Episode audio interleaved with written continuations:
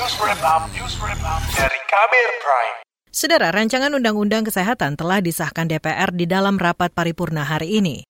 Pengesahan itu dilakukan di tengah gelombang penolakan terkait berbagai hal di dalam RUU tersebut, antara lain soal belanja wajib atau mandatory spending.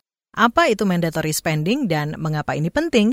Selengkapnya simak laporan khas KBR disusun jurnalis Sindu Darmawan. Belanja wajib kesehatan atau mandatory spending di Undang-Undang Kesehatan dihapuskan. Semula sempat diusulkan agar anggaran belanja wajib dinaikkan dari 5% menjadi 10%, namun yang terjadi justru dihapuskan. Belanja wajib kesehatan sebelumnya dimuat dalam pasal 171 Undang-Undang Nomor 36 Tahun 2009 tentang Kesehatan. Dalam ayat 1 dan 2 bilit itu disebutkan besaran anggaran kesehatan minimal 5% dari APBN dan minimal 10% untuk daerah pemerintah akan mengganti mekanisme penganggaran dalam Undang-Undang Kesehatan yang baru.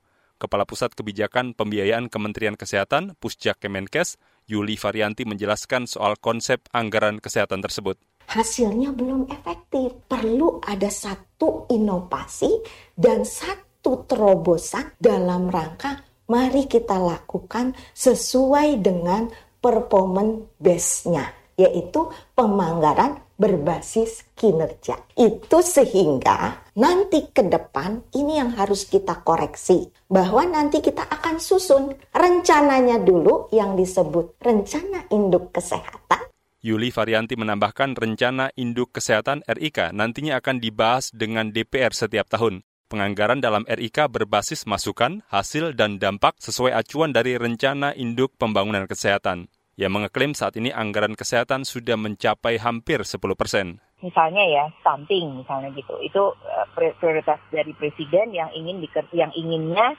daerah ikut dan harus daerah mengerjakan itu juga nggak mungkin cuma kebijakan di tingkat pusat. Nah ini butuh pendampingan, butuh dana untuk mendampingi supaya prioritas tersebut menjadi prioritas daerah juga. Karena kalau daerah yang pendapatan asli daerahnya PAD-nya rendah, dia nggak akan bisa memasukkan itu. Jadi dia nggak akan bisa, dia akan selalu berseberangan nih. Penghapusan belanja wajib kesehatan tersebut menuai kritik dari dua fraksi di DPR dan sejumlah organisasi kesehatan. Wakil Ketua Komisi Kesehatan DPR dari fraksi PKS, Kurniasi Mufidayanti, menyesalkan hilangnya aturan mengenai pengeluaran minimal atau mandatory spending.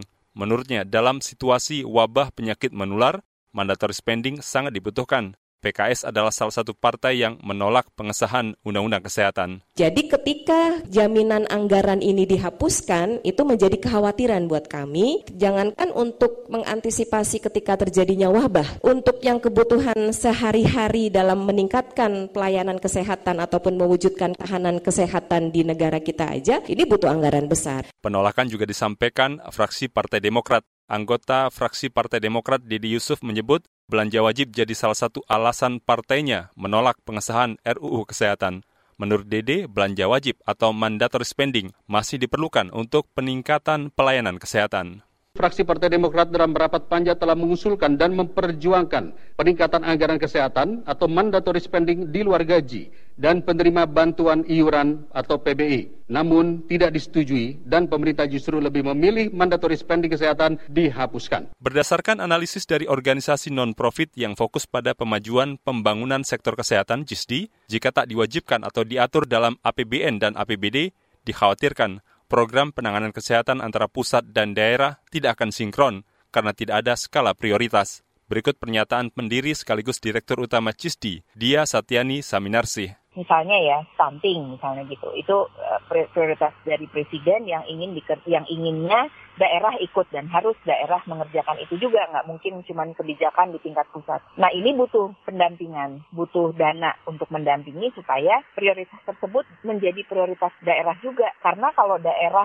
yang pendapatan asli daerahnya PAD-nya rendah, dia nggak akan bisa memasukkan itu. Jadi dia nggak akan bisa, dia akan selalu berseberangan nih. Dia menambahkan jika DPR dan pemerintah memaksa mengesahkan RUU Kesehatan, maka salah satu upaya untuk bisa memitigasi masalah pembiayaan kesehatan bisa dilakukan melalui aturan turunan. Gimana mengatasi, memitigasi daerah yang nggak punya anggaran. Pakai apa? Memitigasinya gimana itu? Nanti itu harus dibahas di, di aturan turunan. Gimana memitigasi gap di undang-undang yang tidak mewajibkan memberi kompensasi yang layak kepada kader. Itu harus dibahas. Menurut data Kementerian Keuangan, alokasi anggaran untuk bidang kesehatan di APBN 2023 sebesar 178 triliun rupiah.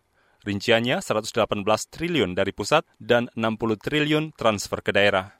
Hari ini, DPR telah mengesahkan RUU Kesehatan menjadi undang-undang. Belet ini dibuat dengan metode Omnibus Law, yakni menggabungkan 13 undang-undang tentang kesehatan ke dalam satu aturan. Dari 9 fraksi di DPR, dua fraksi menolak, yakni PKS dan Demokrat. Demikian laporan khas KBR yang disusun dan dibacakan Sindu Darmawan. Kamu baru saja mendengarkan news wrap up dari KBR Prime. Dengarkan terus kbrprime.id, podcast for curious mind.